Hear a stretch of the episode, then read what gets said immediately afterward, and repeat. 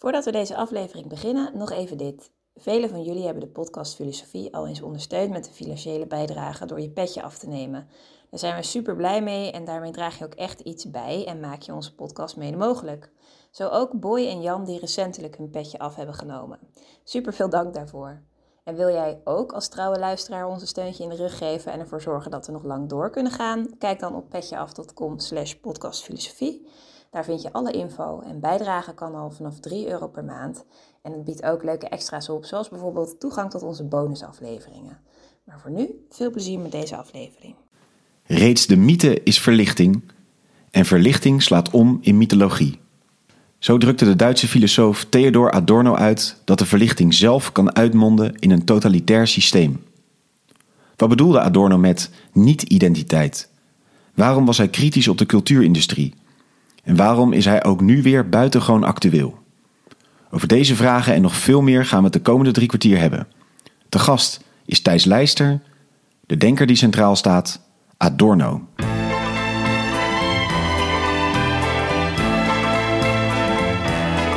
Vers les docks où le poids et l'ennui me le dos. Goed dat je weer luistert naar een nieuwe aflevering van de podcast Filosofie van het Centre Erasme, school voor filosofie in Zuid-Frankrijk, Vlaanderen en Nederland. Mijn naam is Allard Amelink. Het concept van deze podcast is simpel. Er is een hoofdgast, een presentator en een sidekick. En in ongeveer 45 minuten duiken we in het denken van één filosoof. En vandaag zit naast mij Judith Immink. Judith Zwijstra Immink, moet ik ja, zeggen. nou, nog even niet hoor. Ik luister naar allebei. Oké, heel goed. Judith. En tegenover ons zit uh, onze gast van vandaag, dat is Thijs Leister. Thijs is universitair docent kunst- en cultuurfilosofie aan de Rijksuniversiteit Groningen. Hij studeerde filosofie in Groningen en New York en promoveerde in 2012 op een proefschrift over filosofen Walter Benjamin en Theodor Adorno. Vorig jaar verscheen van zijn hand Kijken, Proeven en Denken, essays over kunst, kritiek en filosofie, waarin Thijs onder andere aan de hand van het denken van Adorno nadenkt over kunst. Thijs, welkom in de podcast. Ja, bedankt. En dank dat we bij jou thuis te gast mogen zijn in Zwolle. Er reed net even een ambulance voorbij, maar ik hoop dat we daar... Dat is niet voor ons gelukkig. Gelukkig niet, ja, precies. Wij gaan uh, vrolijk door. Met dus als centrale denker vandaag Theodor Adorno. Hij was uh, filosoof, Duits filosoof en ook socioloog, muzikoloog, componist en literatuurcriticus. Hij werd in 1903 geboren in Frankfurt en vanwege zijn Joodse komaf vertrok hij uit Duitsland toen de nazi's daar aan de macht kwamen en vestigde zich in Oxford en in de VS om na de oorlog terug te keren in Frankfurt. Hij ontwikkelde zich tot sociaal filosoof en samen met uh, Max Horkheimer, Walter Benjamin en Herbert Marcuse uh, vormde hij zogenaamde Frankfurter Schule, die uh, in de jaren 60 van grote invloed was. Uiteindelijk overleed hij in 1969. En Thijs, voor de mensen die Adorno kennen, kennen hem misschien vooral een beetje als een soort pessimistisch denker of een, een beetje een elitair denker. Onder andere omdat hij kritiek heeft op populaire cultuur en op de film bijvoorbeeld. Klopt dat beeld van Adorno als een pessimistisch man die je niet goed ziet in de moderne tijd? Uh, nou ja en nee, zou ik zeggen. Hij, hij was bepaald niet uh, het zonnetje in huis. Uh, hij was inderdaad heel erg kritisch op uh, de moderne cultuur en de moderne massacultuur. er is een beroemde uitspraak van hem in zijn boek Minima Moralia, waarin hij schrijft: Es gibt kein richtiges Leben im Falschen. Dus het, het, het goede leven bestaat niet te midden van, de, de, de, uh, van alles wat fout is. Uh, dus om die reden wordt hij inderdaad vaak als een, uh, als een pessimist gezien. Um, ik, ik zeg zelf altijd dat dat pessimisme juist ook voortkomt uit een enorme hoop. En juist uit een, een, een belofte van geluk. waar, we, waar we later waarschijnlijk nog wel. Um, uh, op, op terecht zullen komen. Maar die, die kritiek op massacultuur en dat, dat elitaire uh, uh, wat, wat toch aan, aan Adorno hangt, dat is vaak wordt het ook losgezien van een veel bredere kritiek op de moderniteit en een kritiek op de verlichting die daar dan vaak buiten beschouwing blijft. Hè, als het gaat over die, die kritiek op, op popcultuur of op de film of op jazz en zo, waar hij helemaal niet van hield. Zullen we dat dan uh, meteen maar oppakken, die, die verlichtingskritiek? Kan je, daar, uh, kan je daar misschien wat meer over zeggen? Ja, zeker. Um, in, inderdaad, historische achtergrond is daarbij denk ik van belang. Net werd al genoemd dat, dat Adorno uh, vluchtte uit, uit Nazi-Duitsland, uh, terechtkwam in, um, in uh, de Verenigde Staten. Eerst in New York, later in Los Angeles. En, en daar eigenlijk op steenworp afstand van Hollywood schreef hij samen met Max Horkheimer Dialectiek van de Verlichting. Um, en dialectiek van de verlichting is een radicale verlichtingskritiek en radicaal, daarmee bedoel ik niet alleen dat het uh, politiek gezien radicaal was of, of, zoiets dergelijks, maar ook dat het naar de wortel teruggaat. Hè. Ra eh, radix uh, is, uh, is het Grieks voor, voor wortel. Dus het, het, het is een kritiek die, die eigenlijk de, de, de, de verlichting tot in het, in het eerste principe eigenlijk probeert te analyseren en, en fundamenteel eigenlijk bekritiseert. Ja, precies.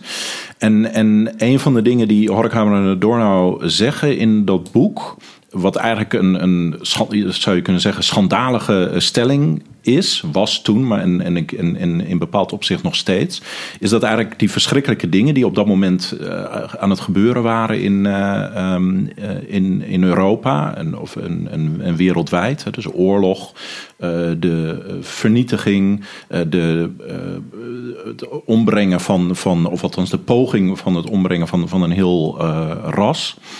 Uh, dat dat niet een, een soort van spontane uitbarsting van, van barbarij van, uh, was.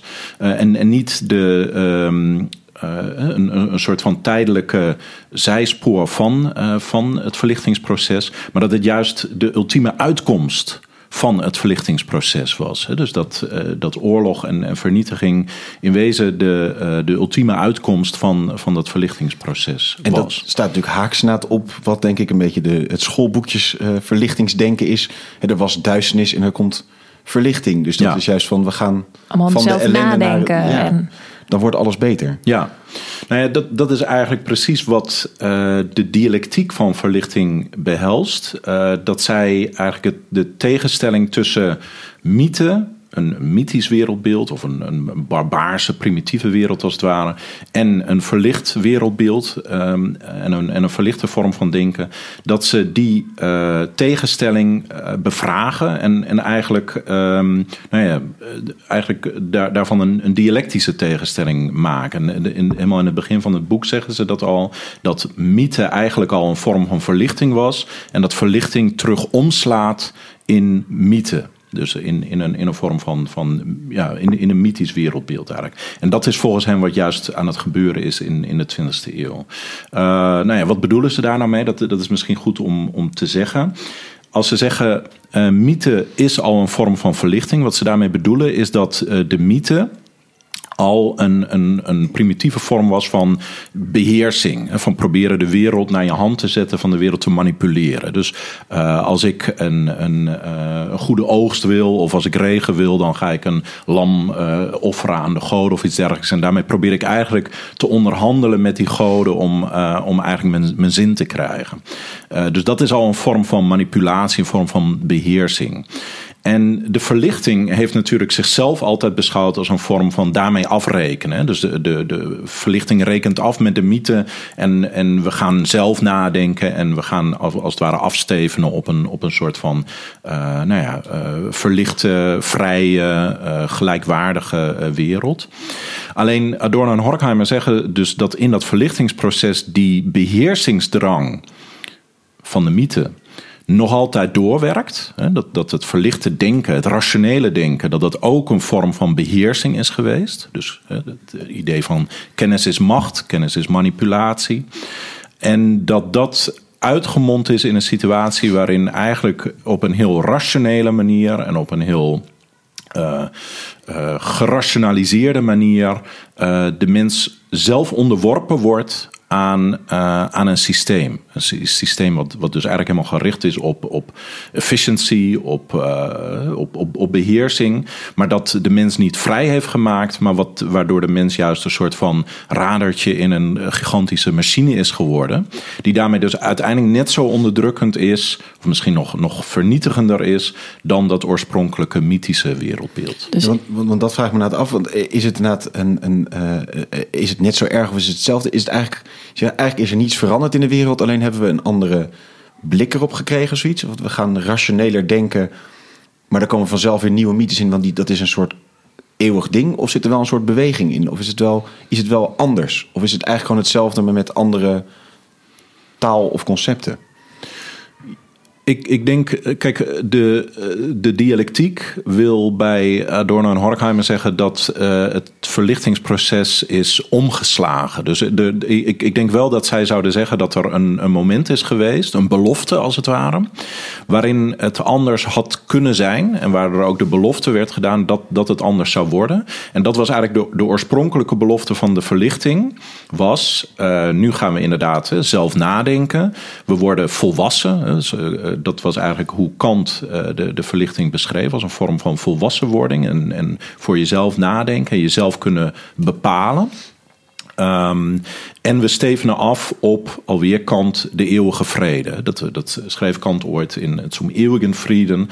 Dat zou uh, de, de uitkomst zijn van wetenschap en technologie. Dat er, uiteindelijk geen oorlog meer zou zijn. Nou ja, het, Adorno en Horkheimer zitten natuurlijk in een situatie waarin het tegendeel uh, waar is. En dat is volgens hen het gevolg ervan dat die verlichting zich eigenlijk heel eenzijdig heeft ontwikkeld. Uh, want rationaliteit, de, eigenlijk het, het, uh, het middel van de verlichting bij uitstek, heeft zich volgens hen uh, eenzijdig ontwikkeld tot wat zij instrumentele rationaliteit noemen. Dus een vorm van, van rationeel denken, die eigenlijk alleen gericht is op efficiëntie en op doelmatigheid. Ehm, tegenwoordig zouden we misschien zeggen rendementsdenken. Dat dat een vorm van instrumentele rationaliteit is. Um, en, en als je. Als je inderdaad nogmaals denkt aan uh, de, de verschrikkingen van, van uh, de 20e eeuw, in het bijzonder uh, de Holocaust, dan zou inderdaad Adorno zeggen dat dat niet een soort van spontane eruptie van, van geweld is, maar juist iets wat, wat, wat heel zorgvuldig doordacht is en inderdaad op een, op, een, op een fabrieksmatige manier uitgevoerd wordt. Dus dat is in die zin niet barbarisme, maar juist de, wat, wat, hij, wat hij zou zeggen, de irrationaliteit van rationalisering. Maar ik kan me voorstellen dat, dat als tegenwerping je daarin ergens, hè, als je nog even de verlichting toch als een, als een, uh, een louter positieve ontwikkeling ziet, die zegt ja, maar zo'n mythe als dat de Joden niet deugen of het Joods-Bolsjewistisch complot, dat is het mythische element dat verkeerd is, maar aan zich is het goed. Weet je, dat is eigenlijk een oud ding, dat moet er nog overkomen. Ja, maar ook, ook daarbij zou uh, Adorno zeggen dat, dat zelfs in um, dat soort uh, complotten, zelfs in, in de vorm van stereotypering, zelfs in de vorm van het, het labelen van uh, mensen als uh, of als een tegenras, dat zelfs daar um, verkapte verlichtingselementen in zitten. In de zin wat, wat hij identiteitsdenken noemde. Dus, dus de, dat is het, het willen um, conformeren van de werkelijkheid aan een uh, conceptueel uh, raamwerk. Dat is eigenlijk wat, uh, wat, wat identiteitsdenken behelst. Dus de, gedachte dat de wereld zich moet conformeren aan, aan het concept. Um, ik, ik leg het wel eens in, in colleges uit aan de hand van een filmscène van Charlie Chaplin waarin uh, de hoofdpersoon een, uh, een koffer uh, moet pakken. En die gooit allemaal kleren in de koffer. Heel, heel, hij heeft haast, dus hij moet het snel doen. Op het laatst hangen er nog allemaal broekspijpen en, en mouwen en zo uit. En dan pakt hij een grote schaar. En alles wat er bu buiten die koffer hangt, dat, dat knipt hij er, eraf. Dat is eigenlijk identiteitsdenken in de zin van dat je dus uh, de werkelijkheid uh, probeert te modelleren of probeert uh, alles ervan te abstraheren wat niet in die koffer past. En dat is epistemologisch gezien problematisch, hè, want het, het levert een soort van uh, uh, ja, verkeerde kennis op of een verkeerde blik op de wereld. Maar moreel en politiek gezien is dat ook potentieel gevaarlijk, omdat je dus inderdaad hè, een, een, een, eh, een volk of, of, of een beeld van wat de mensheid is of zou moeten zijn, gaat opleggen aan de daadwerkelijke mens en de daadwerkelijke mensheid. Hey, en je, we hebben nu dat een beetje zo tegen elkaar, uh, tegenover elkaar gezet. Dus mythe, ratio, dat is allebei, zou je kunnen zeggen, dan een soort uitingsvorm van, van, van beheersing, van verlichting. Wil Adorno nou daar uitstappen? Uh, wil hij eigenlijk uit uh, dat hele spel, om het maar even zo te zeggen, van verlichting stappen? Of roept hij op om binnen eh, dat samenspel andere nuances te leggen? Of andere. Wat, wat, wilde hij eigenlijk bereiken? Ja, nou in, in ehm, gesprekken die eh, later ook eh, eh, gepubliceerd zijn tussen Adorno en Horkheimer, hebben ze het op een gegeven moment over hun, hun boek als een poging om de verlichting te verlichten. Dus het, het, het gaat ze heel nadrukkelijk niet om een totale afwijzing van, eh, van verlichting. En, in, en dat, zet ze, eh, dat, dat eh, maakt ze denk ik ook fundamenteel verschillend van sommige conservatieve denkers, zoals eh, Spengler of de Spaanse filosoof Ortega y Gasset, die eigenlijk zeggen dat de hele verlichting überhaupt een, een mislukking is, is geweest. Nee, dat, dat zegt ze heel nadrukkelijk ook in de inleiding van het boek, dat het hen niet gaat om eh, een soort van terugkeer naar een, een verleden waarin het beter zou zijn geweest, maar het gaat meer om eh, de verlichting zelf reflexief maken. Dus eh, het, de, de realisatie dat in die, die vorm van denken en in dat soort rationaliseringsprocessen, dat daar eh, eigenlijk van het eerste begin een soort duistere eh, kant aan zit.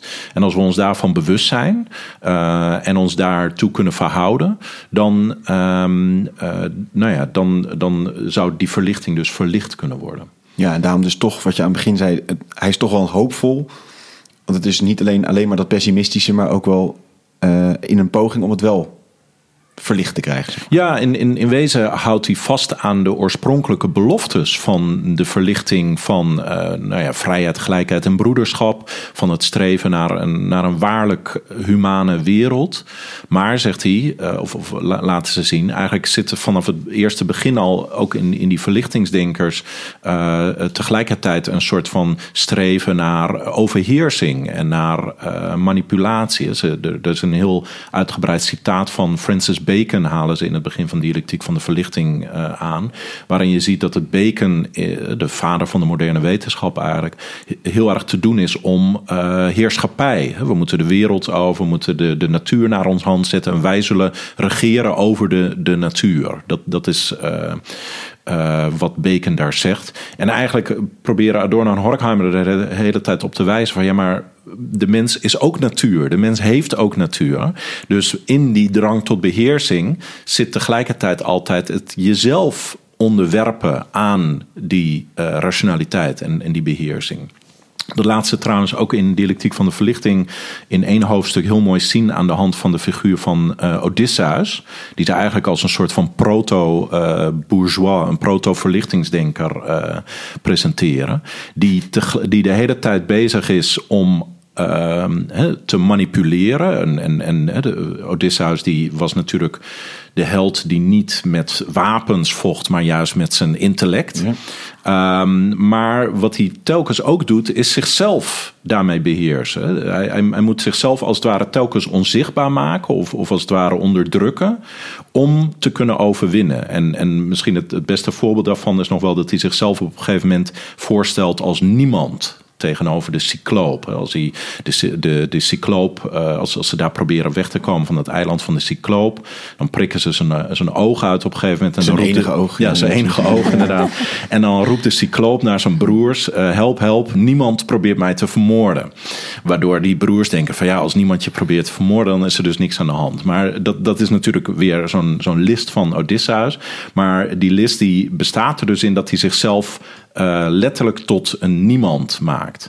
En dat is eigenlijk volgens uh, Horkheimer en Adorno wat het, het subject voortdurend doet. Die maakt zichzelf tot, tot niks. Die moet voortdurend eigenlijk zijn lichaam, zijn geschiedenis, zijn, zijn hele zijn moet hij ontkennen uh, om te kunnen overheersen.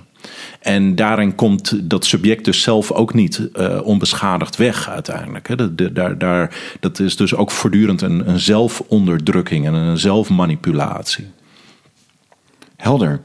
Um, je zei net dat ze zaten daar in Amerika uh, um, en keken zeg maar, naar Europa en de verschrikking die zich daar uh, plaatsvond. En toen zei je even in zo'n bijzin, ze zaten in Los Angeles op een korte afstand van Hollywood. ja. Dat, dat heeft hem ook gevormd in zekere zin, toch? Of in ieder geval ja. die, die nabijheid van Hollywood. Ja.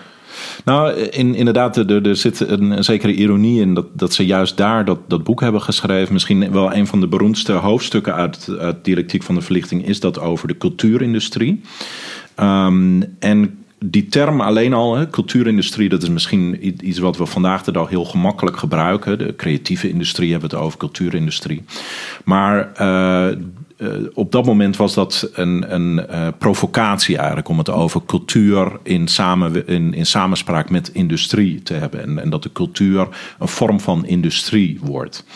Uh, en dat was een heel, heel doelbewuste provocatie ook voor ze, omdat ze daarmee wilden laten zien eigenlijk dat. Um, je zou kunnen zeggen, de, de laatste vluchthaven van menselijke vrijheid en, en, en speelsheid en, en een soort van uh, interactie met, met, met de natuur, namelijk cultuur en, en kunst, dat ook dat industrie wordt. Dat, dat, ook, dat ook dat geïndustrialiseerd wordt. En dat dat dus ook weer zeg maar, een soort beheersingmethode wordt of zo. Ja. Is dat dan wat ze ook daarmee willen uh, uitdrukken. Dus eigenlijk zelf de kritiek, maar dan verplaatst naar het vlak van cultuur. Precies, ja, inderdaad. Want um, kijk, de, Adorno's kritiek op cultuurindustrie wordt heel vaak uh, verward met een kritiek op massacultuur überhaupt. Of, of, met lage cultuur. Dus alsof Adorno de hoge cultuur tegenover de lage cultuur, de volkscultuur als het ware plaatst. Maar dat is niet wat hij bedoelt. Um, ten eerste uh, is volgens hem ook die hoge cultuur, hè, dus bijvoorbeeld de klassieke muziek, is onderhevig aan die uh, cultuurindustrie. Dus de, de rationalisering en een soort van commodificatie, dus het koopwaarmaken van, uh, van kunst en cultuur. dus het, het loopt eigenlijk door hoog en laag heen. Um, en ten tweede benadrukt Adorno dat massacultuur, het woord massacultuur impliceert dat het een cultuur is van de massa. Alsof het iets spontaans is wat eh, eh, uit de massa als het ware opborrelt, uit het volk opborrelt. Terwijl dat volgens hen niet het geval is bij de cultuurindustrie. De cultuurindustrie wordt juist opgelegd aan de massa. Dat is eigenlijk een, voortdurend. Um, nou ja, moet je zeggen, uh, manipulatie of, of, of, of een, een, rationalisatie met het doel om producten te verkopen. Dus een, een, uh, een Hollywood-industrie, een, een popmuziekindustrie, dat komt volgens hen niet spontaan voort uit de massa. Er worden natuurlijk elementen uit. Uh, uit de massacultuur misschien wel geabstraheerd. Maar die worden verkocht vervolgens. En daar wordt een hele, hele industrie van, van opgetuigd. Dus Kijk, Adorno die wordt daardoor ook wel eens verweten van ja, hij is tegen allerlei vormen van plezier of ontspanning. Maar dat is het punt niet. Eerder het tegengestelde. Dat is echt van alle plezier of spontaniteit wordt juist uh, onmogelijk gemaakt omdat de cultuur ook voor, door en door gerationaliseerd wordt. En, en, en helemaal uh, uh, een, een, een soort van vooraf bedachte manier van, van denken en, en de wereld te ervaren wordt. En wat zou daar, daar dan zeg maar een tegenweging zijn? Want die massacultuur, het gaat dus eigenlijk om een spontanere, uh, authentiekere uiting of iets dergelijks. Of je eigen weg vinden in plaats van iets wat je wordt voorgeschreven of wat? Ja, nou ja, eh, Adorno die, die uh, zegt dat uh, de, de oorspronkelijke volkscultuur eigenlijk, uh, dat dat juist een veel meer spontane en dat daar zelfs een zekere kritische houding tegenover de elite ook vaak in zat. Als je kijkt naar uh, nou ja, in, in, in bepaald opzicht waren sommige stukken van Shakespeare waren natuurlijk volkscultuur. En, daar, daar zit soms een soort van belachelijk maken van, van de elite ook in. Of allerlei vormen van volkstoneel en zo. Dat, dat is een veel authentieke, uh, authentiekere vorm van, van volkscultuur. Alleen dat wordt steeds meer onmogelijk gemaakt, omdat alles wat aan cultuur wordt aangeboden, steeds meer dat, dat, dat one size fits all karakter krijgt. En voor Adorno zelf, die, je, noemde het al in het begin, die ook muzikoloog en, componist was, bleef er dus eigenlijk steeds minder ruimte over, behalve eigenlijk het soort van heel complexe uh, avant-garde muziek. Dat is ook een reden en ook denk ik wel een terechte reden waarom Adorno uh, wat, um, wat elitair wordt gevonden. Dat volgens hem dus inderdaad de, de, de moeilijke muziek van figuren als Arnold Schoenberg en Alban Berg. Dat, dat dat eigenlijk de laatste plek volgens hem was waar, waar nog iets van authenticiteit en, en, en autonomie mogelijk was in de cultuur. We hoorden net dialectiek, dan denk ik aan Hegel. Ja, terecht, denk ik. Um, Hegel was een van de grote inspiratiebronnen van, uh, van Adorno. Um, en tegelijkertijd was Adorno ook een van de grootste critici van, uh, van Hegel. Dat zit eigenlijk al besloten ook in een van zijn filosofische uh, hoofdwerken. De, de titel van een van zijn filosofische hoofdwerken, namelijk Negatieve Dialectiek. dus waar, waar je zou kunnen zeggen dat Hegel een positieve dialectiek heeft, heeft Adorno een negatieve dialectiek. Um, en dat heeft vooral te maken met Hegels uh, optimisme over de geschiedenis. Hegel die schrijft natuurlijk in een heel ander tijdvak, uh, begin 19e eeuw. En Hegel die zag eigenlijk de hele menselijke geschiedenis, de hele cultuurgeschiedenis, als een soort van um, ja, opstijgende lijn richting meer zelfbewustzijn, richting meer uh, vrijheid. En uh, dat was volgens Adorno uh, onterecht. En nogmaals, uh, dat, is ook wel begrijpelijk gezien de context waarin Adorno schreef.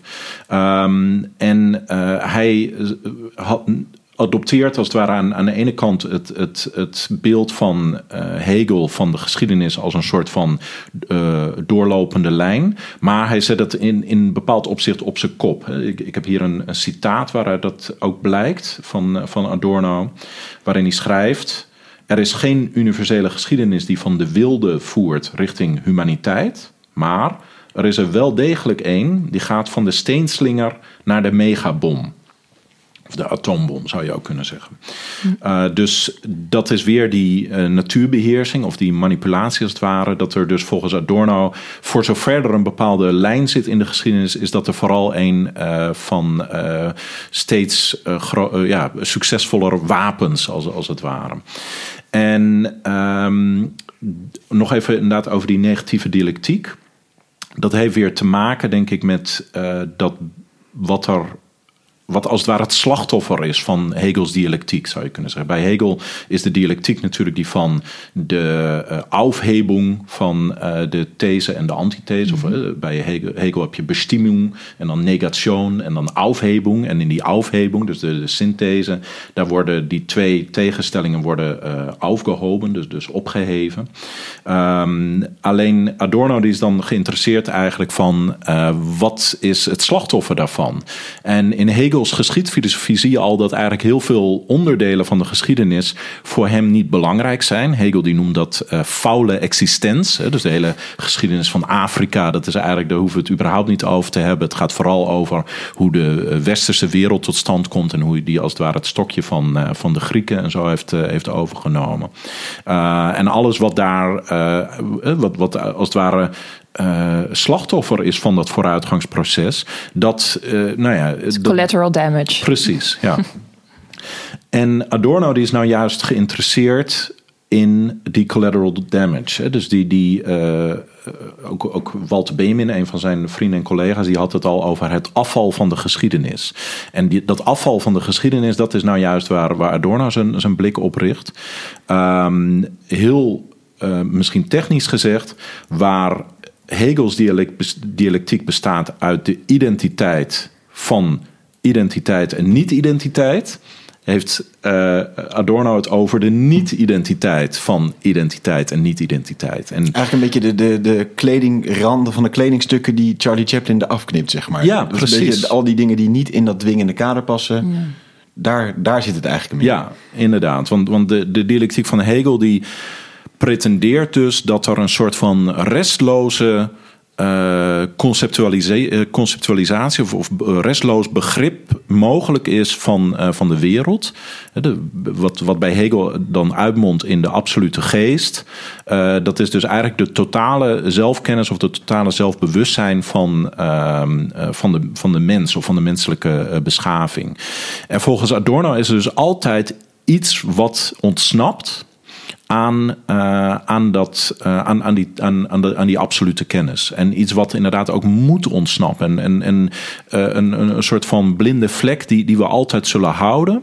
En het is juist van belang om ons bewust te zijn van die blinde vlek. Uh, in Minima Moralia staat ook een mooi citaat. Ik heb hem niet hier paraat, maar zo even uit mijn hoofd zegt hij dat de splinter in je oog het beste vergrootglas is. Dus juist dat, dat wat je net niet kan zien, of, of juist wat, wat net pijn doet, wat, wat, wat schuurt of wat, wat ontbreekt, dat is juist waar, waar, waar de grootste waarheid ligt volgens, volgens Adorno. In, in die uh, jaren 60 beweging hadden we het net al even over dat die toen uh, de Frankfurter Schule in ieder geval heel erg populair werd. Straks moeten we het denk ik ook even hebben over die samenwerking daar. Heb je natuurlijk ook dat hele marxisme wat een, een soort uh, interpretatie in ieder geval van Hegel is. Hoe verhield Adorno zich tot Marx? Ja, um, kijk, je, je, noemde in het begin al uh, de naam van de Frankfurter Schule. Waar onder andere Adorno, maar ook andere figuren zoals uh, Marcuse en, en Horkheimer uh, toe behoren. En dat, dat is een vorm van neomarxisme. Uh, of eigenlijk een, een, een, die, die, die staan in een kritische verhouding uh, tot, uh, tot Marx. maar tegelijkertijd zetten ze de lijn van Marx door. Ze zetten die lijn door in de zin van dat het een kritiek is op het kapitalisme. En ook een, een, een, een, een poging is om in dat kapitalisme aan te wijzen van waar, waar het misgaat en waar, waar, de, waar de slachtoffers vallen als het ware. Um, de kritiek op Marx bestaat vooral juist in uh, Marx houding ten opzichte van uh, cultuur en bewustzijn. Bij Marx heb je het zogenaamde basis-bovenbouwmodel. Dus dat eigenlijk alle cultuur en politiek en, en uh, kunst en, religie en noem maar, op. Dat is als het ware een, een soort van afgeleide van economische verhoudingen. De basis bepaalt de, de bovenbouw. Terwijl voor die Frankfurters, die uh, richten juist veel meer hun aandacht op die bovenbouw, om het zo maar te zeggen. Omdat die, die volgens hen niet zomaar aanhobbelt achter die economische verhoudingen, maar dat daar juist ook allerlei uh, ideologische strijd plaatsvindt, die van grote invloed is op machtsverhoudingen. Uh, die analyse van de cultuurindustrie bijvoorbeeld, dat is daarbij uitstek een voorbeeld van hoe ze laten zien hoe ook cultuur een machtsinstrument is en hoe dat dan precies in zijn werk gaat. En dat eigenlijk ook uh, we dus veel meer moeten kijken ook naar sociale psychologie, uh, en, en, naar hoe de, uh, het bewustzijn van de mens gemanipuleerd wordt om hem in een bepaalde machtsverhouding uh, vast te zetten. En dan hebben we die, die mei 68 beweging, is natuurlijk de, de, de opstanden in Parijs en de studentenbeweging die opkomt, ook in Nederland daar voorbeelden van. Hoe verhielden ze zich dan tot Adorno? Want het is een man die misschien dan daarin deels te omarmen is, maar hij is natuurlijk ook altijd een beetje soort ongrijpbaar, heb ik tot nu toe een beetje het gevoel. Want die ja. soort altijd op het verkeerde been dreigt te zetten. Ja, nou dat was ook eh, inderdaad precies hoe die studenten zich voelden, denk ik. Want um, enerzijds was, uh, de, de, uh, was de Frankfurter Schule in het algemeen en, en Adorno in het bijzonder... werd een soort held van de studenten in de naoorlogse tijd. toen de Horkheimer en Adorno terugkeerden naar Duitsland... en daar aan de universiteit weer begonnen te werken... toen um, hebben, ze, echt school gemaakt, ook met, um, nou ja, met volgelingen en met studenten die, die erg enthousiast waren ook over hun werk. Um, Tegelijkertijd was Adorno zelf niet heel positief gestemd over de mogelijkheid van een revolutie of van een opstand in de jaren zestig. Dus wat, wat, de, wat de studenten heel erg aansprak, was juist die eh, radicale cultuurkritiek, de kritiek van het kapitalisme, de kritiek van de cultuurindustrie. Um, alleen die studenten die wilden meer natuurlijk. Die wilden eigenlijk gewoon het systeem omverwerpen en die wilden uh, nou ja, uh, aan, aan de macht komen. Eigenlijk toch een sluitende koffer eigenlijk om even dat mee te voor nou, vast ja, in, in, zekere zin wel. En, en Adorno die was denk ik uh, deels vanuit zijn karakter, maar deels ook vanuit wat hij mee had gemaakt, was hij altijd denk ik een beetje sceptisch over massabewegingen überhaupt. Dus hij, hij had een groot voorbehoud, zeker tegen het uh, gebruik van geweld. Wat natuurlijk hè, door, door sommige uh, studenten ook niet geschuwd werd. Um, een gegeven moment zei hij ook al, want hij, hij karakteriseerde zijn, zijn eerdere werk, heeft hij ooit gekarakteriseerd als flessenpost. Hè, dus als, een, een, als het ware een, een, een kritiek waarvan niet heel duidelijk was wie de afzender of wie de, wie de ontvanger zou, zou worden. En later, in de, in de jaren zestig, zei hij van: kijk, van die flessenpost wordt nou een Molotov cocktail gemaakt. wat, wat niet, niet, waar hij zich niet heel erg comfortabel bij voelde. En wat er toen eigenlijk gebeurd is, zijn, zijn twee dingen. Die, die die hebben um, Herbert Marcuse als het ware uh, over laten vliegen uit de Verenigde Staten, waar hij toen nog zat. En die was wel veel meer bereid om zichzelf als een soort van guru voor, uh, voor, de, ja. voor de studentenbeweging uh, op te werpen.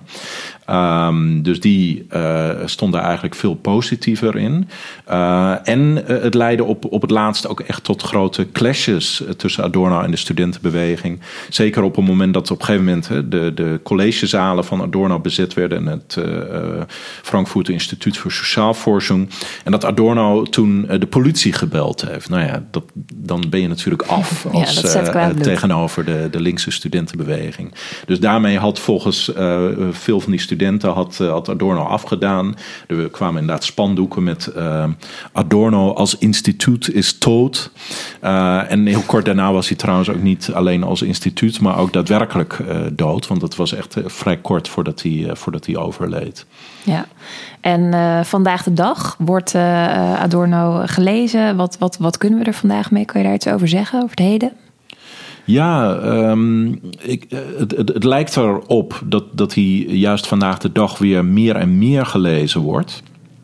Uh, er is een tijd geweest, zeker uh, eigenlijk kort na zijn, na zijn dood in de jaren 70 en 80, dat hij niet zoveel meer gelezen werd. Dat had deels te maken met het feit dat Habermas, hè, als de grote erfgenaam als het ware van de Frankfurter Schule, dat hij ook een soort van vadermoord uh, pleegde op Horkheimer en Adorno door eigenlijk hun uh, werk als een soort van doodlopende weg te beschouwen en, en, en daar zelf meer positieve connotatie van rationaliteit uh, te ontwikkelen in de vorm van communicatieve rationaliteit. Um, en deels had het te maken met het feit dat uh, filosofen van het structuralisme en poststructuralisme uh, veel meer met taal bezig waren, wat, wat volgens hen in Adorno een soort blinde vlek was, als het ware. Ben ik het niet helemaal mee eens, maar dat is een ander verhaal. Um, maar nu, uh, in de laatste jaren, zie je dat Adorno juist wel weer meer en meer gelezen wordt. En dat heeft denk ik deels te maken met een. Uh, met, met juist die radicaliteit van die cultuurkritiek. Die, die natuurlijk uh, zeker na de. Uh, een financiële eh, crash en, en, en, enzovoort. Dat, dat er ook weer een behoefte is aan een, soort van radicale kritiek op, op uh, kapitalisme of, of de moderniteit zelfs. En het heeft ook wel te maken met de opkomst van, van nieuw rechts. dat, er is in Duitsland vorige zomer is er een uh, boekje uitgekomen, een lezing van Adorno, uh, Aspecten des Neuen Rechtsradikalismus, nu ook in het Nederlands uh, vertaald. Het is een lezing uit de jaren 60 waarin Adorno het heeft over de opkomst van nieuw rechts op dat moment. En, die, en hij analyseert dan verschillen en, en overeenkomsten tussen uh, die rechtse bewegingen en, de, en het uh, nationaal socialisme. En het was heel frappant. Het werd ook in alle Duitse uh, kranten werd gezegd dat als je die tekst nu leest, dat het bijna één op één past op sommige dingen die er nu gebeuren met de opkomst van, ehm, van rechtsradicalisme in nou ja, zowel de Verenigde Staten als Brazilië als, als Europa. Dus daarin zie je ook dat mensen weer terugkeren naar uh, het werk van Adorno, ook naar het werk van andere Frankfurters, die natuurlijk uh, ook zelfs tijdens de oorlog en, en na de oorlog heel erg bezig waren met van ja, wat, wat gebeurt er nu eigenlijk? Hoe, hoe, uh, in, in wat voor tijd leven we eigenlijk en hoe is dat soort massamanipulatie eigenlijk mogelijk? We hebben het hier uh, op tafel liggen, het uh, boekje, uh, of het vertaalde essay waar je naar ver, verwijst. Het is verschenen bij Octavo. Het is een mooi paars-wit boekje, lekker handzaam. En het is in het Nederlands, heeft het de titel Aspecten van het nieuwe rechtsradicalisme. En als we dan kijken naar de, de richting die Adorno aangeeft, of wat, wat zou de weg moeten zijn hier doorheen of, of voorbij? Wat, wat, wat zou je daarover zeggen? Welke oplossingen draagt die aan in zekere zin? Ja, Nou ja, in, uh, toen Adorno terugkeerde uit uh, de Verenigde Staten en um, in de jaren 50 weer in, uh, in Duitsland terechtkwam, toen heeft hij heel veel geschreven over het verleden. En dat was, op dat moment was dat eigenlijk vrij bijzonder. En was hij ook wel een soort van luis in de pels. Om, omdat er ook in, in Duitsland wel een soort houding was van... nou ja, laten we de, niet te veel uh, terugkijken. Laten we vooral ons richten op de toekomst. Hè, om de economie weer op te bouwen, noem maar, op. Toen heeft hij een aantal essays geschreven. Uh, waaronder uh, één was getiteld Aufarbeitung der Vergangenheit. Dus de verwerking van het verleden. En, en hij vroeg zich af van ja, wat betekent dat nou eigenlijk? En in Duitsland vandaag de dag betekent dat vooral het zand erover vergeten, onder het tapijt schuiven. En wat er daardoor gebeurde volgens hem was een, een onderdrukking uh, het, het verzwijgen, waardoor het, waardoor het een soort veenbrand wordt. Hè? Het, kan ieder moment eigenlijk de kop weer opsteken. Dus er mag wel de facto een, een democratie zijn, maar in wezen zijn het soort van autoritaire en fascistische ideeën zijn nog uh, in, in de geesten van de mensen zijn nog springlevend. Dus wat was er volgens Adorno nodig? Was in, in de eerste plaats een, grondig besef van uh, de geschiedenis. Uh, en in de tweede plaats wat hij noemde uh, een Erziehung zu Mundigkeit, dus een, een opvoeding tot uh, mondigheid. En daarmee zie je eigenlijk nogmaals dat hij heel erg trouw blijft aan de beloftes van de verlichting. Want mondigheid was ook wat waar Kant het over had. Dus het uittreden van de mensheid aan, de, aan hemzelf opgelegde mondigheid was ooit wat, hoe Kant de verlichting definieerde. En die uh, mondigheid, uh, volgens Adorno, die, die hadden we nog altijd niet bereikt. En die moesten we juist door inderdaad kritisch nadenken, ons, ons kritisch tot onszelf verhouden, tot onze eigen cultuur, tot onze eigen geschiedenis. Dat was vooral wat, wat nodig was. Dus in, in, in dat opzicht bleef hij een, een, een verlichtingsdenker. En bleef hij dus in dat opzicht volgens mij ook een optimist. Dat hij überhaupt wel dacht: het is mogelijk om die, die idealen te realiseren. Uh, en het is mogelijk, juist gezien de staat van de technologie, juist gezien van uh, de, de, de rijkdom die er in de wereld is. Is het mogelijk om een waarlijk humane samenleving uh, te scheppen? Ik, ik verwees eerder naar dat citaat over de megabom. Dus er, er, is geen geschiedenis die leidt van de wilde naar, eh, naar de beschaving, maar wel een van de steenslingen naar de megabom. Ergens anders in die negatieve dialectiek zegt hij ook. Alleen in het tijdperk van de megabom of van de atoombom is het ook is een, een waarlijk humane samenleving denkbaar. Want we hebben nu de technologie, we hebben nu de, de, de, de rijkdom om in principe iedereen uit, uh, de, um, nou ja, uit de drek uh, te tillen. Maar daarvoor moeten we inderdaad wel naar een radicaal andere samenleving toe. Dankjewel Thijs, zeer interessant. Um, en fundamenteel, zoals we zeiden, of radicaal eigenlijk naar de, naar de wortel toe en heel uh, actueel, denk ik. We hebben gehad over uh, Theodor Adorno. En uh, de centrale term was nou de, de, de dialectiek van de verlichting. Vaak wordt het, de verlichting zo geschetst dat er, um, het een overgang was van een mythisch tijd, uh, tijdsgevricht, een tijd waarin mythe centraal stelde, naar een rationeel denkbeeld, een rationele tijd. En wat hij eigenlijk alleen zegt, Adorno, is van al voor de verlichting was er een poging tot controle, tot verlichting in die tijd van de mythes. En andersom zie je dat in de tijd van de verlichting er ook steeds nog steeds een poging tot mythes zijn. Dat nog steeds die verlichting kan omslaan naar mythes. Centraal staat namelijk in de verlichting de beheersingsdrang. Het idee dat je controle wil krijgen over de werkelijkheid. En het gevaar van de verlichting is dat uh, die rationaliteit zo dwingend wordt en dat die behoefte aan beheersing zo sterk wordt dat eigenlijk alles wat niet binnen dat rationele kader valt, dan van tafel moet vallen. En dus ook eigenlijk allerlei spaanders geslagen worden tijdens het hakken.